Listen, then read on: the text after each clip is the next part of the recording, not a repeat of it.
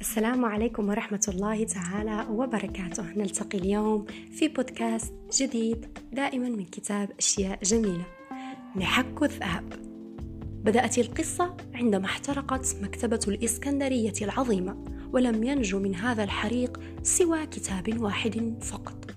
في الواقع لم يكن كتابا قيما لذا اشتراه رجل فقير لا يجيد القراءة كثيرا مقابل بضعة قطع نقدية نحاسية في الحقيقة لم يكن الكتاب يستوجب الاهتمام ولكن بين طياته كان يوجد شيء مثير للاهتمام حقا. لقد كان هذا الشيء عبارة عن قطعة جلدية رقيقة مكتوب عليها سر محك الذهب. محك الذهب هو حصاة صغيرة يمكنها تحويل أي معدن عادي إلى ذهب نقي.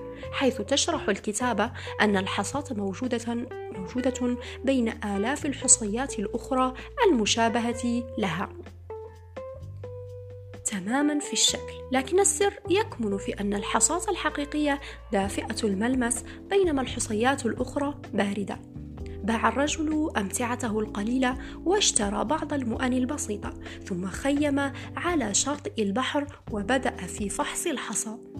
لقد كان يعلم أنه في حال التقط حصاة عادية ومن ثم رماها في مكانها بعد استشعار برودتها فإنه في هذه الحالة قد يلتقط الحصاة نفسها مئات المرات.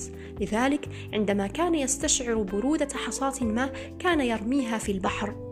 أمضى كامل اليوم يقوم بذلك دون أن يهتدي إلى الحصاة المرجوة. وتابع الرجل عمله بنفس الآلية يلتقط حصاة يستشعر برودتها فيلقي بها في البحر ثم يلتقط أخرى ويلقي بها في البحر وهكذا دواليك. طالت الأيام لتصبح أسابيع والأسابيع امتدت لتغدو شهورا. غير أنه بعد ظهيرة أحد الأيام التقط حصاة وكانت دافئة. لكنه ألقاها في البحر قبل أن يدرك ماذا يفعل.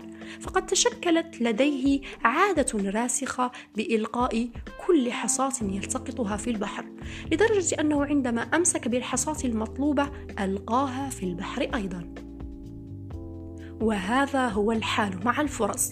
ما لم نكن يقظين من السهل أن نفشل في ملاحظة الفرصة التي بين أيدينا وسيكون من السهل أيضا أن نضيعها بسهولة. كونوا بخير.